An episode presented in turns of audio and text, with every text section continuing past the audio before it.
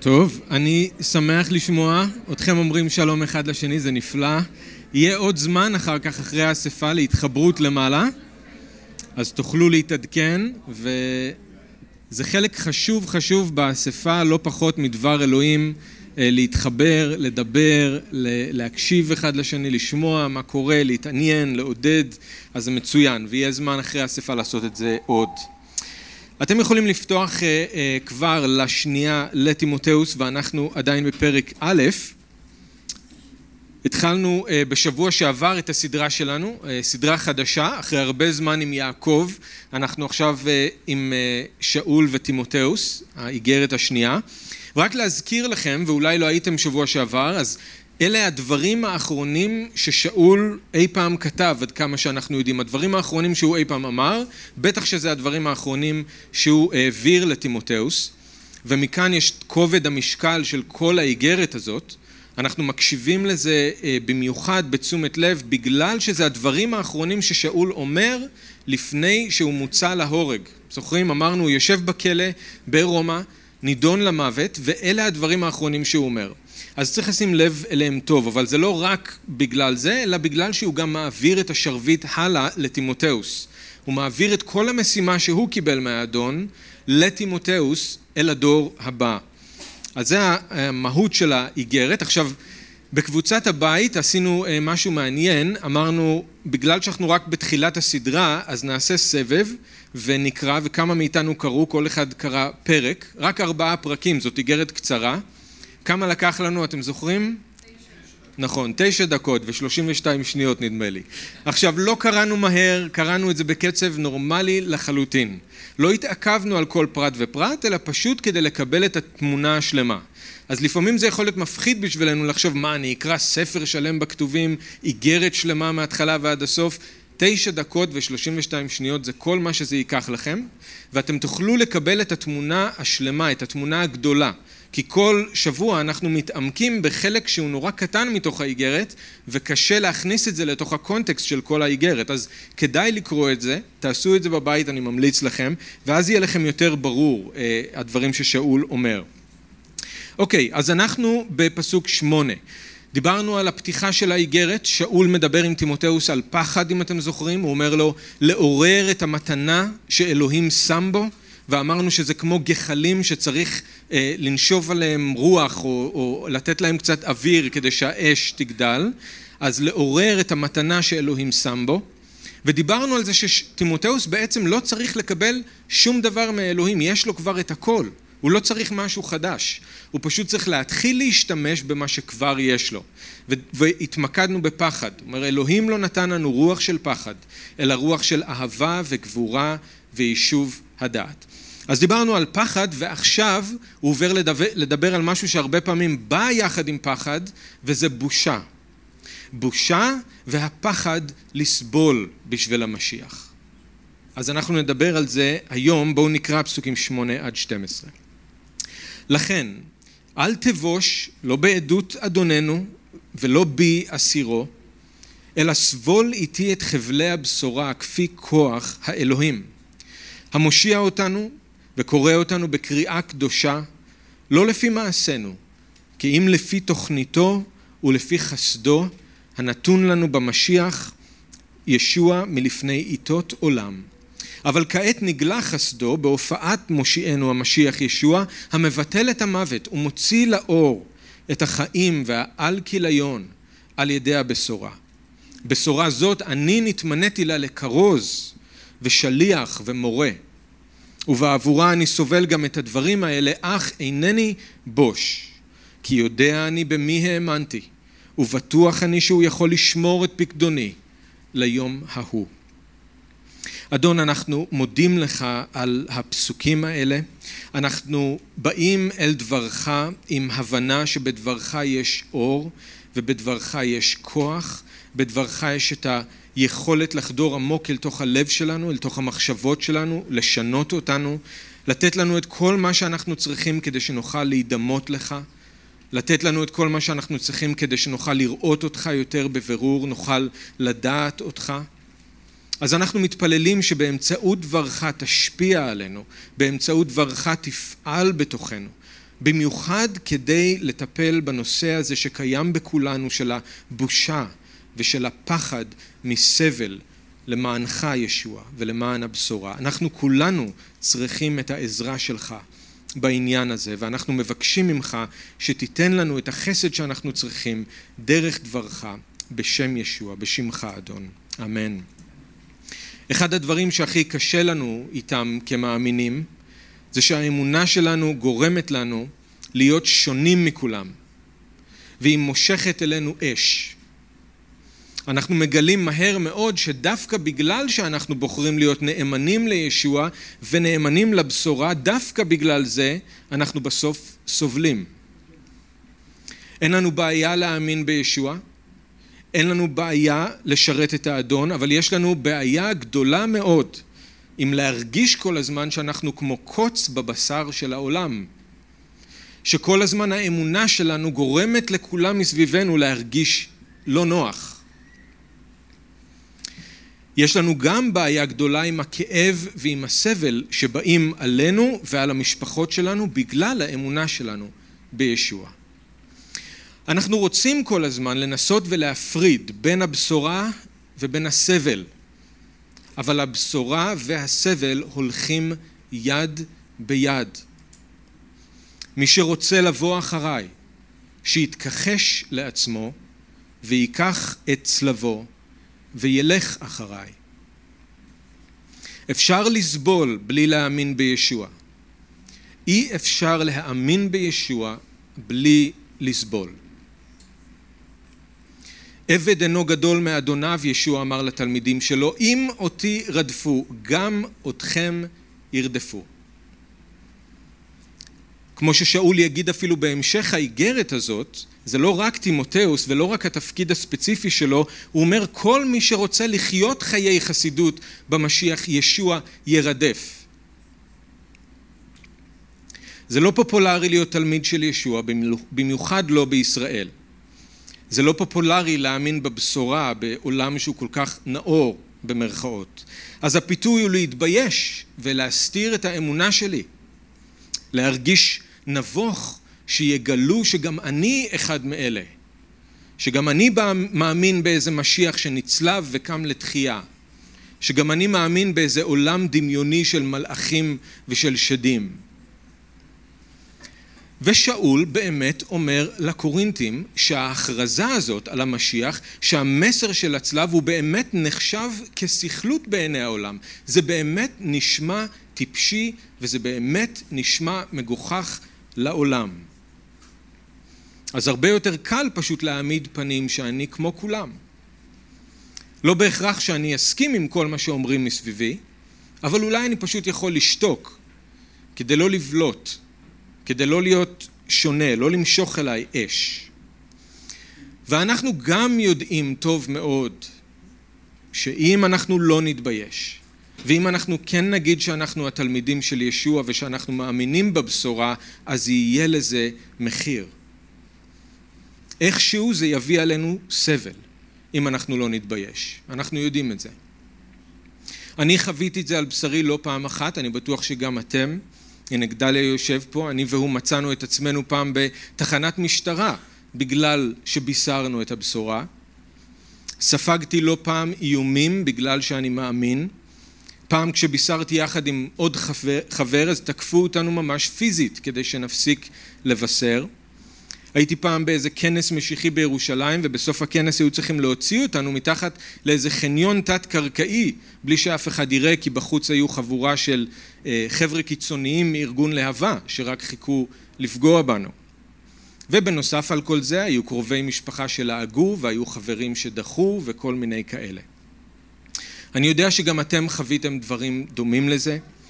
כמה מכם חוויתם אלימות פיזית ואלימות מילולית בגלל האמונה ודחו אתכם קרובי משפחה, לעגו לכם בבית ספר או באוניברסיטה, כי הבשורה והסבל תמיד הולכים יד ביד, אי אפשר להפריד ביניהם. יש בנו את המאבק הזה, בין הנאמנות שלנו לאדון, או הרצון להיות נאמנים לאדון, לבין הרצון פשוט להיות חלק מהחברה ולהיות כמו כולם, להישאר במקום בטוח.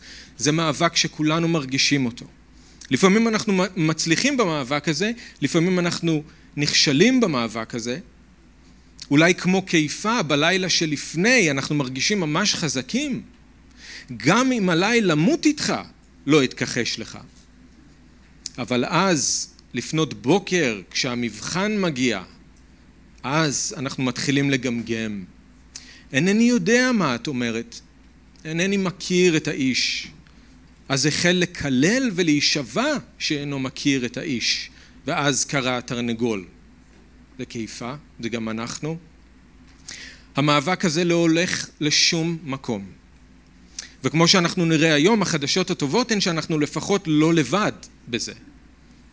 גם תימותאוס היה צריך להתמודד עם המאבק הזה, על זה שאול כותב לו בחלק הזה של האיגרת, אל תבוש, לא בעדות אדוננו, ולא בי אסירו, אלא סבול איתי את חבלי הבשורה.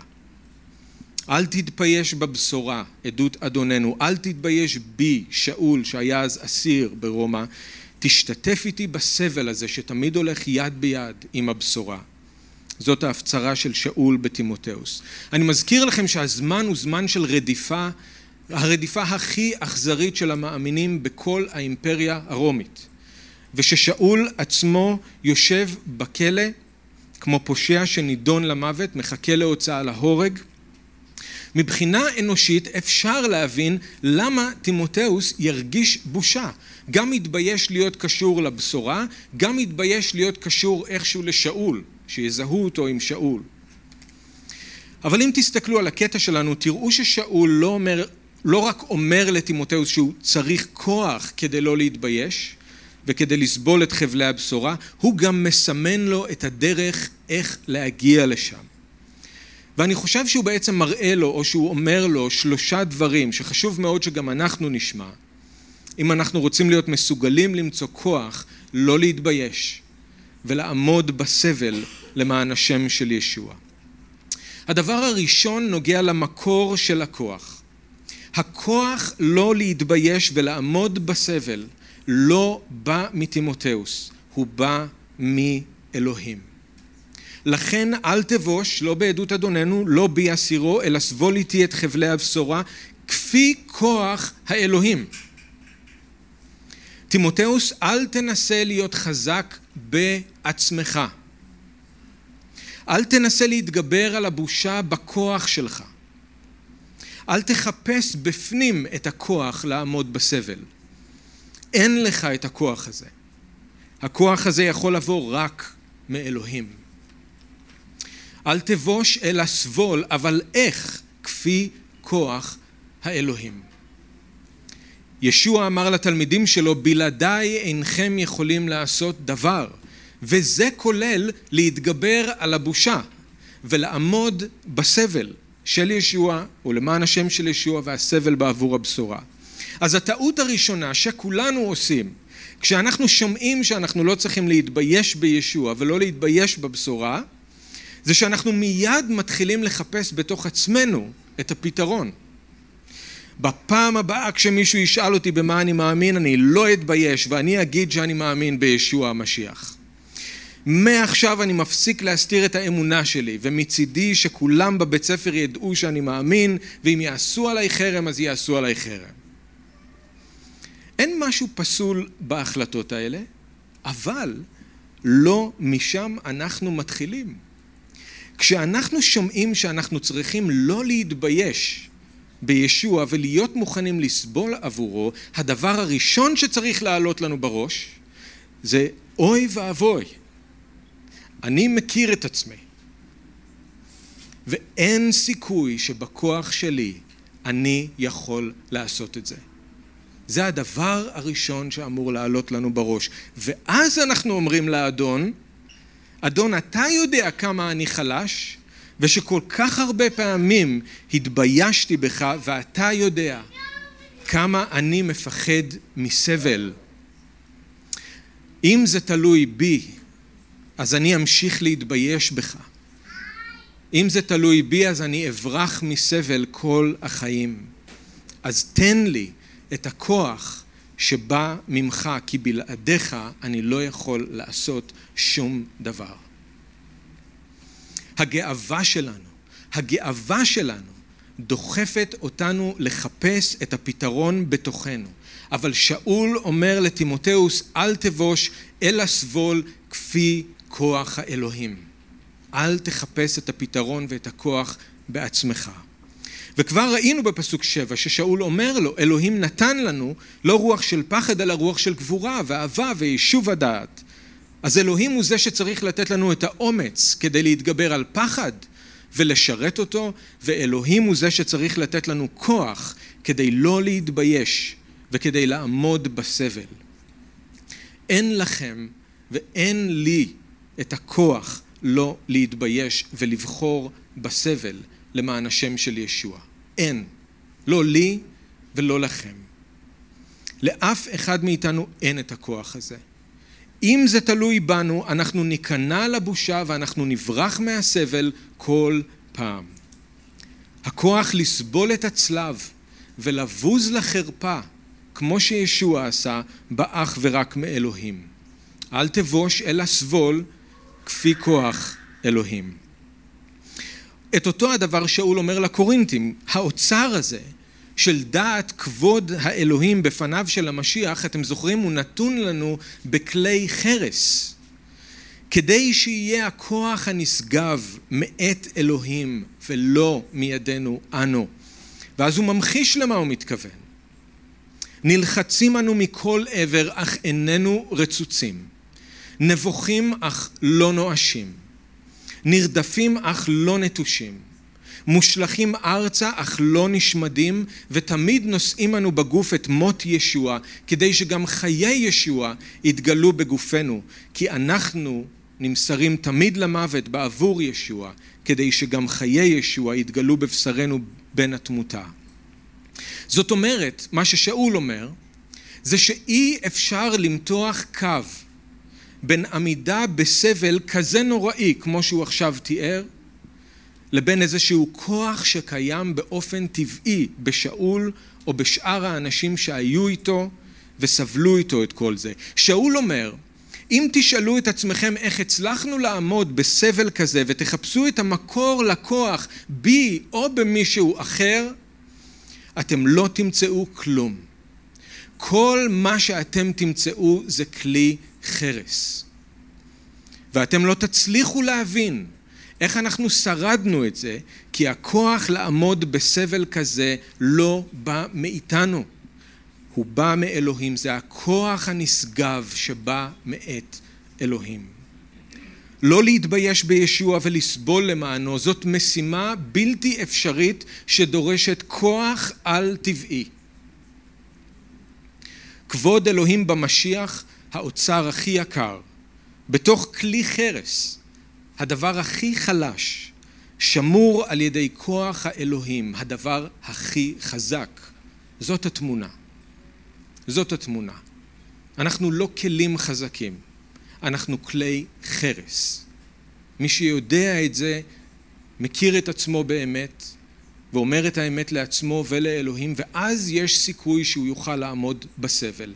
מי שחושב שהוא חזק, לא יצליח לעמוד בסבל. אז זה הדבר הראשון והחשוב שאנחנו צריכים לזכור, אנחנו רק כלי חרס.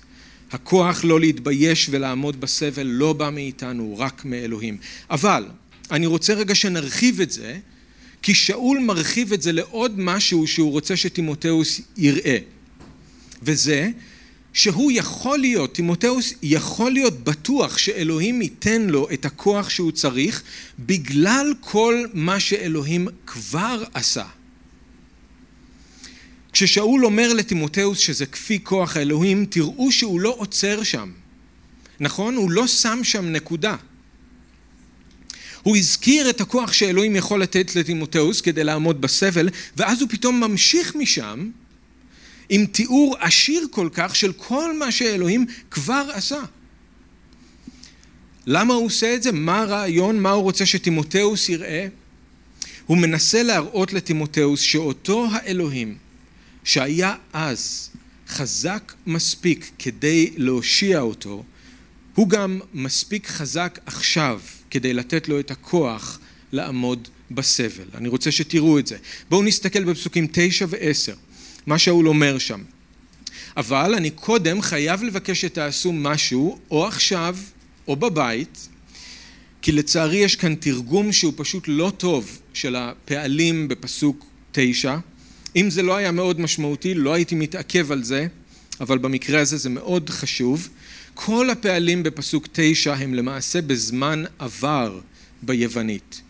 אם יש לכם תרגום של דליץ', אז אתם רואים שזה כתוב בזמן עבר. אם יש לכם תרגום לשפה האנגלית או לשפות אחרות, אני מניח, אתם רואים שזה בזמן עבר. משום מה כאן בתרגום החדש זה מצער, אבל זה מתורגם לא טוב לזמן הווה. אז מה שאני הייתי רוצה שתעשו, וזה מה שאני גם כן עשיתי, פשוט תסמנו כוכבית ליד הפעלים בפסוק תשע ותסמנו לכם כוכבית בשוליים ותכתבו לעצמכם שצריך לקרוא את זה בזמן עבר. אוקיי? Okay? אז בואו נסתכל על מה שאול כותב כאן, נתייחס לזה כמו שזה אמור להיות בזמן עבר. אז כפי כוח האלוהים זה הכוח שטימותאוס צריך עכשיו, נכון? הוא אומר לו אתה צריך עכשיו כוח מאלוהים כדי להתחזק, כדי לעמוד בסבל, כדי לא להתבייש, זה הכוח שטימותאוס צריך עכשיו. אז כפי כוח האלוהים, ואז שאול ממשיך לתאר את כל מה שאלוהים כבר עשה. כפי כוח האלוהים אשר הושיע אותנו, ואשר קרא אותנו בקריאה קדושה, לא לפי מעשינו, כי אם לפי תוכניתו ולפי חסדו, אשר ניתן לנו במשיח ישוע מלפני עיתות עולם. אבל כעת נגלה חסדו בהופעת מושיענו, המשיח ישוע, המבטל את המוות ומוציא לאור את החיים והעל כיליון על ידי הבשורה. ואני כבר אומר שיש הרבה מה להגיד לגבי זה, אנחנו לא נוכל להגיד את הכל כאן היום, אבל נחכה עם זה לקבוצת הבית, נוכל להרחיב שם. אז, איך אתה יכול להיות בטוח, תימותאוס, שאלוהים ייתן לך את הכוח שאתה צריך? איך אתה יכול להיות בטוח שהכוח שאלוהים ייתן לך הוא מספיק? תסתכל על מה שהוא כבר עשה. הוא כבר עשה את הבלתי אפשרי, נכון? הוא הושיע אותנו מהחטאים שלנו, והוא קרא אותנו אליו בקריאה קדושה.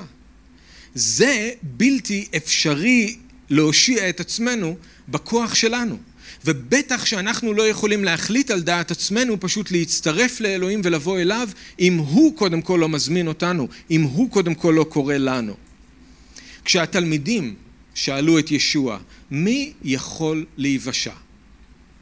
זאת שאלה טובה. מי יכול להיוושע? הוא לא אמר להם שהחזקים יכולים להיוושע, הוא לא אמר להם שהחכמים יכולים להיוושע, הוא לא אמר להם שהעשירים יכולים להיוושע, הוא לא אמר להם שהיפים יכולים להיוושע. אף אחד לא יכול להיוושע בכוחות עצמו, זה מה שהוא אמר להם. מבני אדם נבצר הדבר, זה בלתי אפשרי.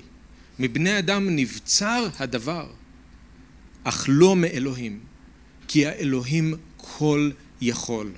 זאת הייתה התשובה שלו. כשאלוהים מושיע אותך תימותאוס, כשהוא קרא אותך בקריאה קדושה, הוא כבר עשה את הבלתי אפשרי. הוא כבר השתמש בכוח שלו אז. ואם הוא חזק מספיק כדי להושיע, אז הוא חזק מספיק כדי לתת לך כוח לעמוד בסבל. זה שהושיע אותך, זה שקרא אותך, הוא גם ייתן לך עכשיו כוח לעמוד. אבל זה לא רק שאלוהים מושיע אותנו וקרא אותנו בקריאה קדושה, שאול אומר שאלוהים לא עשה את זה בגלל המעשים שאנחנו עשינו. לא היה שום דבר שאנחנו עשינו שגרם לאלוהים לרצות להושיע אותנו ולקרוא אותנו אליו. שום דבר. לא היה שום דבר שטימותאוס עשה שגרם לאלוהים להושיע אותו. אנחנו לא הרשמנו את אלוהים עם הכוח שלנו, אנחנו לא הרשמנו את אלוהים עם המראה שלנו או עם החוכמה שלנו. אלוהים מושיע אותנו וקרא אותנו אליו רק בגלל דבר אחד.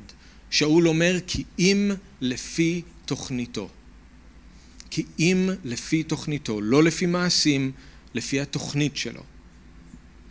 זה היה הרצון של אלוהים. זאת הייתה התוכנית של אלוהים להושיע אותנו ולקרוא אותנו אליו. אז זה מה שהוא עשה. זה אמור לתת הרבה ביטחון לטימותאוס וגם לנו. כי זה אומר ששום דבר הוא לא רנדומלי, שום דבר לא קורה מחוץ לתוכנית של אלוהים. גם הסבל שטימותאוס צריך לעבור עכשיו זה חלק מהתוכנית של אלוהים בשבילו, גם הסבל. אלוהים עובד לפי התוכנית שלו, הוא עובד לפי המטרות שלו. הוא מכוון את הכל אל עבר מה שהוא קבע בשביל תימותאוס ובשביל כל אחד מאיתנו. גם באפסים א' כתוב לנו, אלוהים יש לו תוכנית לקבץ את הכל במשיח במלאת העתים, את מה שבשמיים ואת מה שבארץ, זאת התוכנית שלו. וגם, ובו נועדה לנו נחלה, כי נבחרנו מראש לפי תוכניתו, לפי תוכניתו של הפועל בכל, בהתאם למחשבת רצונו, כדי שנהיה לתהילת כבודו, אנו המקדימים לקוות למשיח. וברומי ח' 28, אנו יודעים כי אלוהים גורם לכך שכל הדברים חוברים יחד לטובת אוהביו הקרואים על פי תוכניתו, לפי התוכנית שלו. לפי תוכניתו של הפועל בכל בהתאם למחשבת רצונו כדי שנהיה לתהילת כבודו, הקרואים על פי תוכניתו. זאת אומרת, גם הרגעים הקלים, גם הרגעים הקשים, גם הניסיונות, גם הברכות, גם הסבל, אלוהים פועל, ולא בחלק מהדברים, כתוב לנו אלוהים פועל בכל, בהכל אלוהים פועל, ולא באופן רנדומלי, אלא לפי תוכניתו ובהתאם למחשבת רצונו. בהכל הוא פועל. אז אלוהים כבר עשה את הבלתי אפשרי. הושיע את תימותאוס, קרא אותו בקריאה קדושה, והישועה שלו של תימותאוס לא הייתה אקראית, היא הייתה חלק מהתוכנית של אלוהים. אז אלוהים מקדם את כל הדברים שקורים לתימותאוס אל עבר יעד מסוים. זה מנחם מאוד, זה מעודד מאוד לדעת שהכל חלק מהתוכנית של אלוהים ושהוא שולט בהכל, שום דבר פה לא רנדומלי, שום דבר לא יצא משליטה. שימו לב לדבר האחרון ששאול אומר בפסוק תשע, הישועה לא הייתה בגלל מעשים, אלא לפי תוכניתו, ולפי חסדו, אשר ניתן לנו במשיח ישוע מלפני עיתות עולם. כמעט כל פעם שאני קורא את זה, אני מחייך, כי אני לא מאמין כמה גדול הפלא הזה, ואיך זה יכול להיות. אוקיי, אז אלוהים הושיע אותי, כי זאת הייתה התוכנית שלו. והוא תכנן להושיע אותי בחסד על ידי ישוע. אבל מתי הוא הכין את התוכנית הזאת? מתי הוא החליט שאני אבשה בחסד על ידי ישוע? מלפני עיתות עולם. אלוהים לא חיכה לראות איזה מין בן אדם אני אהיה כדי להחליט אם להושיע אותי. הוא לא חיכה לראות מה אני אעשה עם החיים שלי כדי לבדוק שאני ראוי להיות הבן שלו. הוא לא פתאום שם לב אליי יום אחד ואז התחיל לתכנן את הישועה שלי. עוד לפני שהוא ברא שמיים וארץ, עוד לפני שהוא אמר את המילים ויהי אור, הוא אמר אתה שלי לנצח. את שלי לנצח. עוד לפני שהוא ברא שמיים וארץ. אותו הדבר באפסים א', כשם שבחר אותנו בו מתי, בטרם היווסד תבל, להיות קדושים ובלי דופי. לפניו באהבה. נכון שהחסד הזה התגלה בישוע כשהוא בא אל העולם והוא ביטל את המוות והוא הוציא לאור את החיים ואת העל כיליון, אבל החסד הזה היה מוכן כבר בשבילי ובשבילכם מלפני היווסד תבל.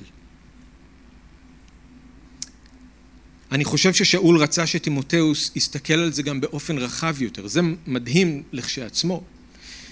אבל ברור שאם אלוהים הכין בשבילו, בשביל טימותאוס, את החסד להיוושע, אז הוא כבר גם הכין כל חסד אחר שהוא יצטרך כדי לחיות את הישועה הזאת, כולל את החסד לעמוד בסבל.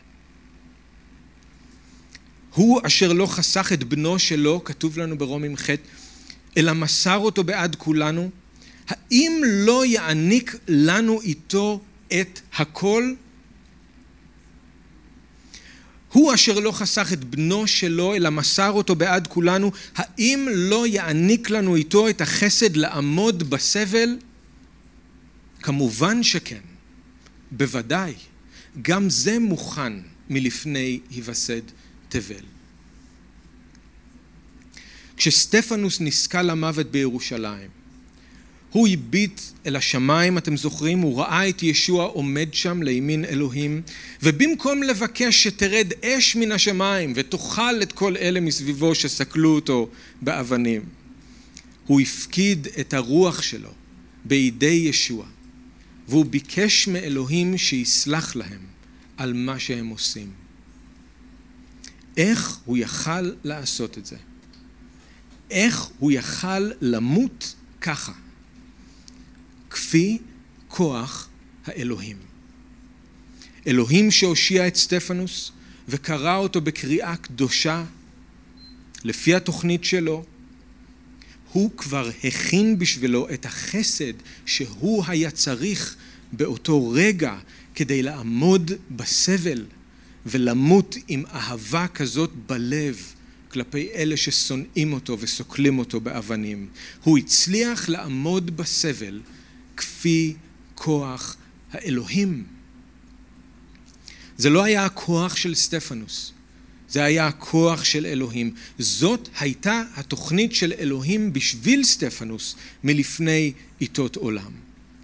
אלוהים ידע את הסבל שסטפנוס יעבור, והוא כבר הכין בשבילו מראש את החסד שהוא היה צריך, והוא נתן לו את החסד הזה כשהוא היה צריך אותו באותו רגע כדי להיות מסוגל לעמוד בסבל, כדי להיות מסוגל למות ככה.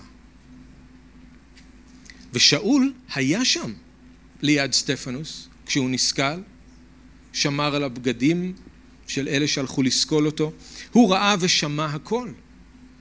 ואני חושב שזה משהו שלא עזב את שאול לעולם. אבל אני בטוח ששאול ידע אחרי שהוא כבר בא לאמונה, הוא ידע שהכוח הזה, מה שהוא ראה באותו יום אצל סטפנוס, הוא ידע, הכוח הזה לא היה של סטפנוס. הכוח הזה בא מאת האלוהים. סטפנוס הוא כלי חרס, שאול הוא כלי חרס, תימותאוס הוא כלי חרס, אנחנו כלי חרס. אנחנו לא צריכים להתאכזב כשאנחנו לא מוצאים בתוכנו כוח לעמוד בסבל. אנחנו לא אמורים למצוא בעצמנו כוח לעמוד בסבל, אין לנו את הכוח הזה. זה לא צריך לאכזב אותנו, זה לא צריך להפתיע אותנו, זה בדיוק אמור להיות מה שאנחנו מצפים למצוא, שאין שם כלום. ואנחנו צריכים את אלוהים, ואם אלוהים לא יבוא, ואם אלוהים לא ייתן חסד, אנחנו לא נצליח לעמוד בזה. אז אלוהים שהיה חזק מספיק להושיע את תימותאוס, חזק מספיק גם עכשיו לתת לו כוח לעמוד בסבל. ובגלל שהכל חלק מהתוכנית של אלוהים מלפני עיתות עולם, אז תימותאוס יכול להיות בטוח שכמו שאלוהים יעד מראש את הסבל, הוא גם יעד מראש את החסד. וזה נכון גם לנו. דבר אחרון, הדוגמה של שאול. עד עכשיו שאול אמר דברים יפים, אבל עכשיו הוא מראה לתימותאוס שהוא לא מדבר באוויר, הדוגמה האישית שלו, של שאול, היא ההוכחה שזה גם אפשרי.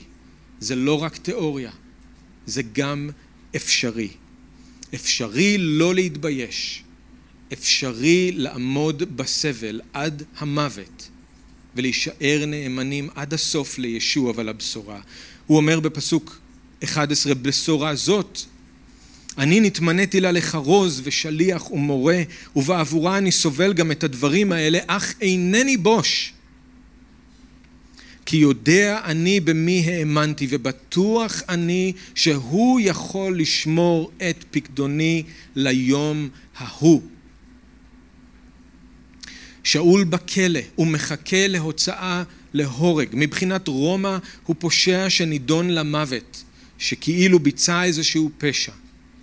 אבל שוב אנחנו רואים את היציבות של שאול ואת השקט שלו מבפנים, את הביטחון שלו, כמו שאמרנו בשבוע שעבר. הקיסר יכול להאשים אותו במה שהוא רוצה, אבל שאול יודע שהוא כרוז והוא שליח והוא מורה של הבשורה הזאת, ומה יש להתבייש בבשורה הזאת, אם הבשורה הזאת היא הדרך של אלוהים לבטל את המוות ולהוציא לאור את החיים ואת העל כליון.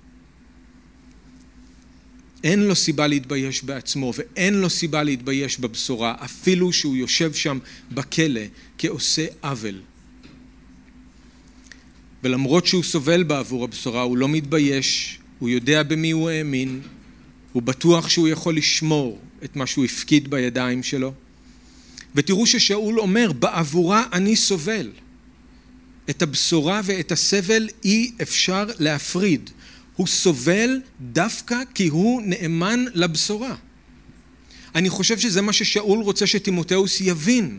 הוא אומר לו, תעורר את המתנה אשר בך. אלוהים נתן לך רוח של גבורה ושל אהבה ושל יישוב הדעת, תעורר את המתנה, תשרת במתנה, אבל תדע, מי שמשרת את האדון בנאמנות, וכמה שיותר בנאמנות, סובל. תעורר את המתנה, תשרת את האדון, תהיה נאמן, אבל ברגע שאתה נאמן לאדון, אתה הופך להיות מטרה, אתה מושך אל עצמך אש. וכמה שאתה תהיה יותר נאמן, וכמה שאתה תעורר את המתנה שלך יותר, ככה אתה תמשוך אל עצמך יותר אש. אבל זה לא מפריע לשאול, זה לא מכעיס את שאול. כשהוא אמר כן לישוע, הוא אמר לו כן עד הסוף. את הבשורה והסבל אי אפשר להפריד. ודווקא כי הוא נאמן, הוא סובל בגלל הבשורה, אבל זה לא מכעיס אותו. זה לא מפתיע אותו. שאול כתב לפיליפים זאת בהתאם לציפייתי העמוקה ותקוותי שלא אבוש בשום דבר, אלא שבכל עוז, כתמיד כן גם אתה ירומם ויתגדל המשיח בגופי, אם על ידי חיי ואם על ידי מותי. וכמה זה יפה לראות שזה עכשיו מתגשם בסוף החיים של שאול. התפילה שלו הייתה שהוא לא יבוש בשום דבר, והנה הוא מחזיק מעמד עד הסוף. ולא מתבייש. שהמשיח ירומם ויתגדל בגופו, אם על ידי החיים שלו, אם על ידי המוות שלו, והנה זה קורה, והוא מגיע לקו הסיום, הוא מגיע לסוף החיים שלו בלי בושה, ועם הכוח לעמוד בסבל עד הסוף. הוא מראה לטימותאוס, טימותאוס שזה אפשרי, הוא רוצה שהוא ייקח ממנו דוגמה, הוא רוצה שהוא יתעודד. רק להגיד מה הפיקדון ששאול השאיר בידיים של ישוע שהוא בטוח שהוא יוכל לשמור אותו עד היום ההוא, לא לגמרי ברור. יש כאלה שחושבים שזה השירות שלו, החיים שלו, הבשורה, זה לא לגמרי ברור, אבל זה בטוח, מה שכן ברור זה שזה, שהוא בטוח באדון, עד הסוף הוא בוטח בו, והוא מוכן לחכות ליום ההוא כשהוא יפגוש את ישוע פנים אל פנים, אפילו שהוא שם בכלא.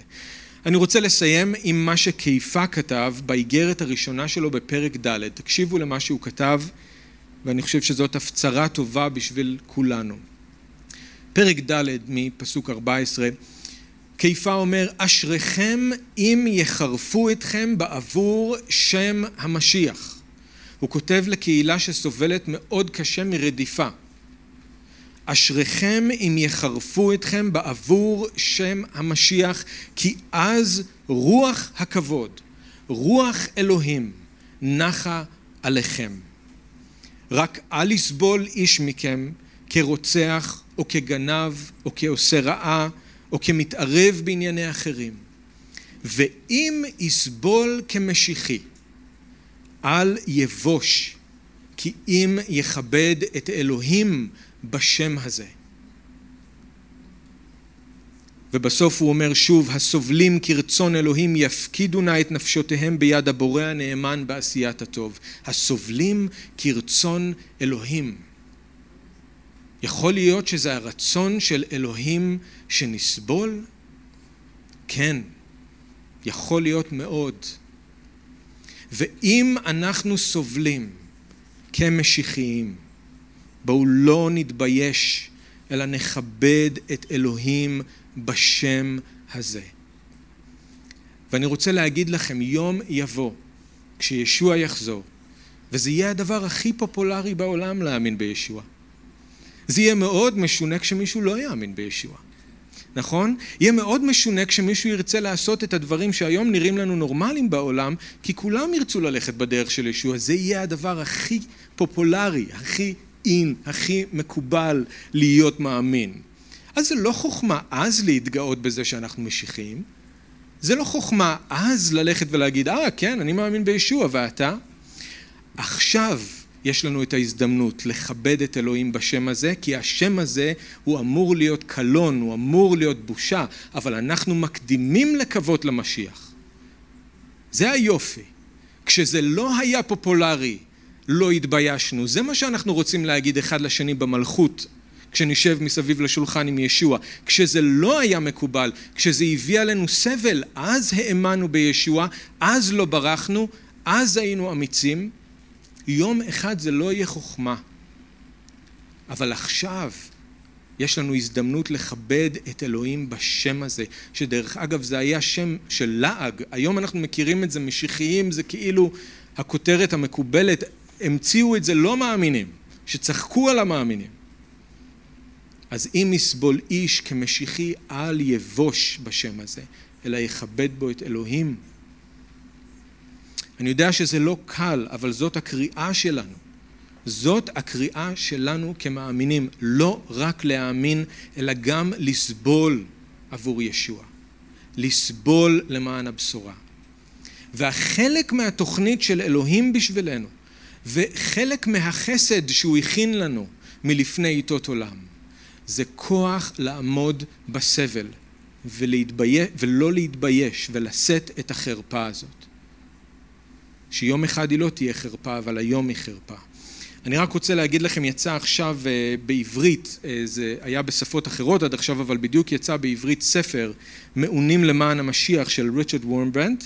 אז הוא היה יהודי משיחי ברומניה הקומוניסטית, והוא סבל, אה, סבל סבל שקשה, קשה, קשה לתפוס, קשה להאמין שמישהו בכלל יכל לעמוד בסבל נוראי שכזה, ואני חיפשתי ציטוט לתת לכם היום בדרשה, וכל ציטוט היה יותר זוועתי מהאחר. אז אמרתי, אני רוצה לחסוך את זה מכם, אבל זה עינויים שקשה אפילו להאמין, אי אפשר להבין איך אנשים שרדו את זה.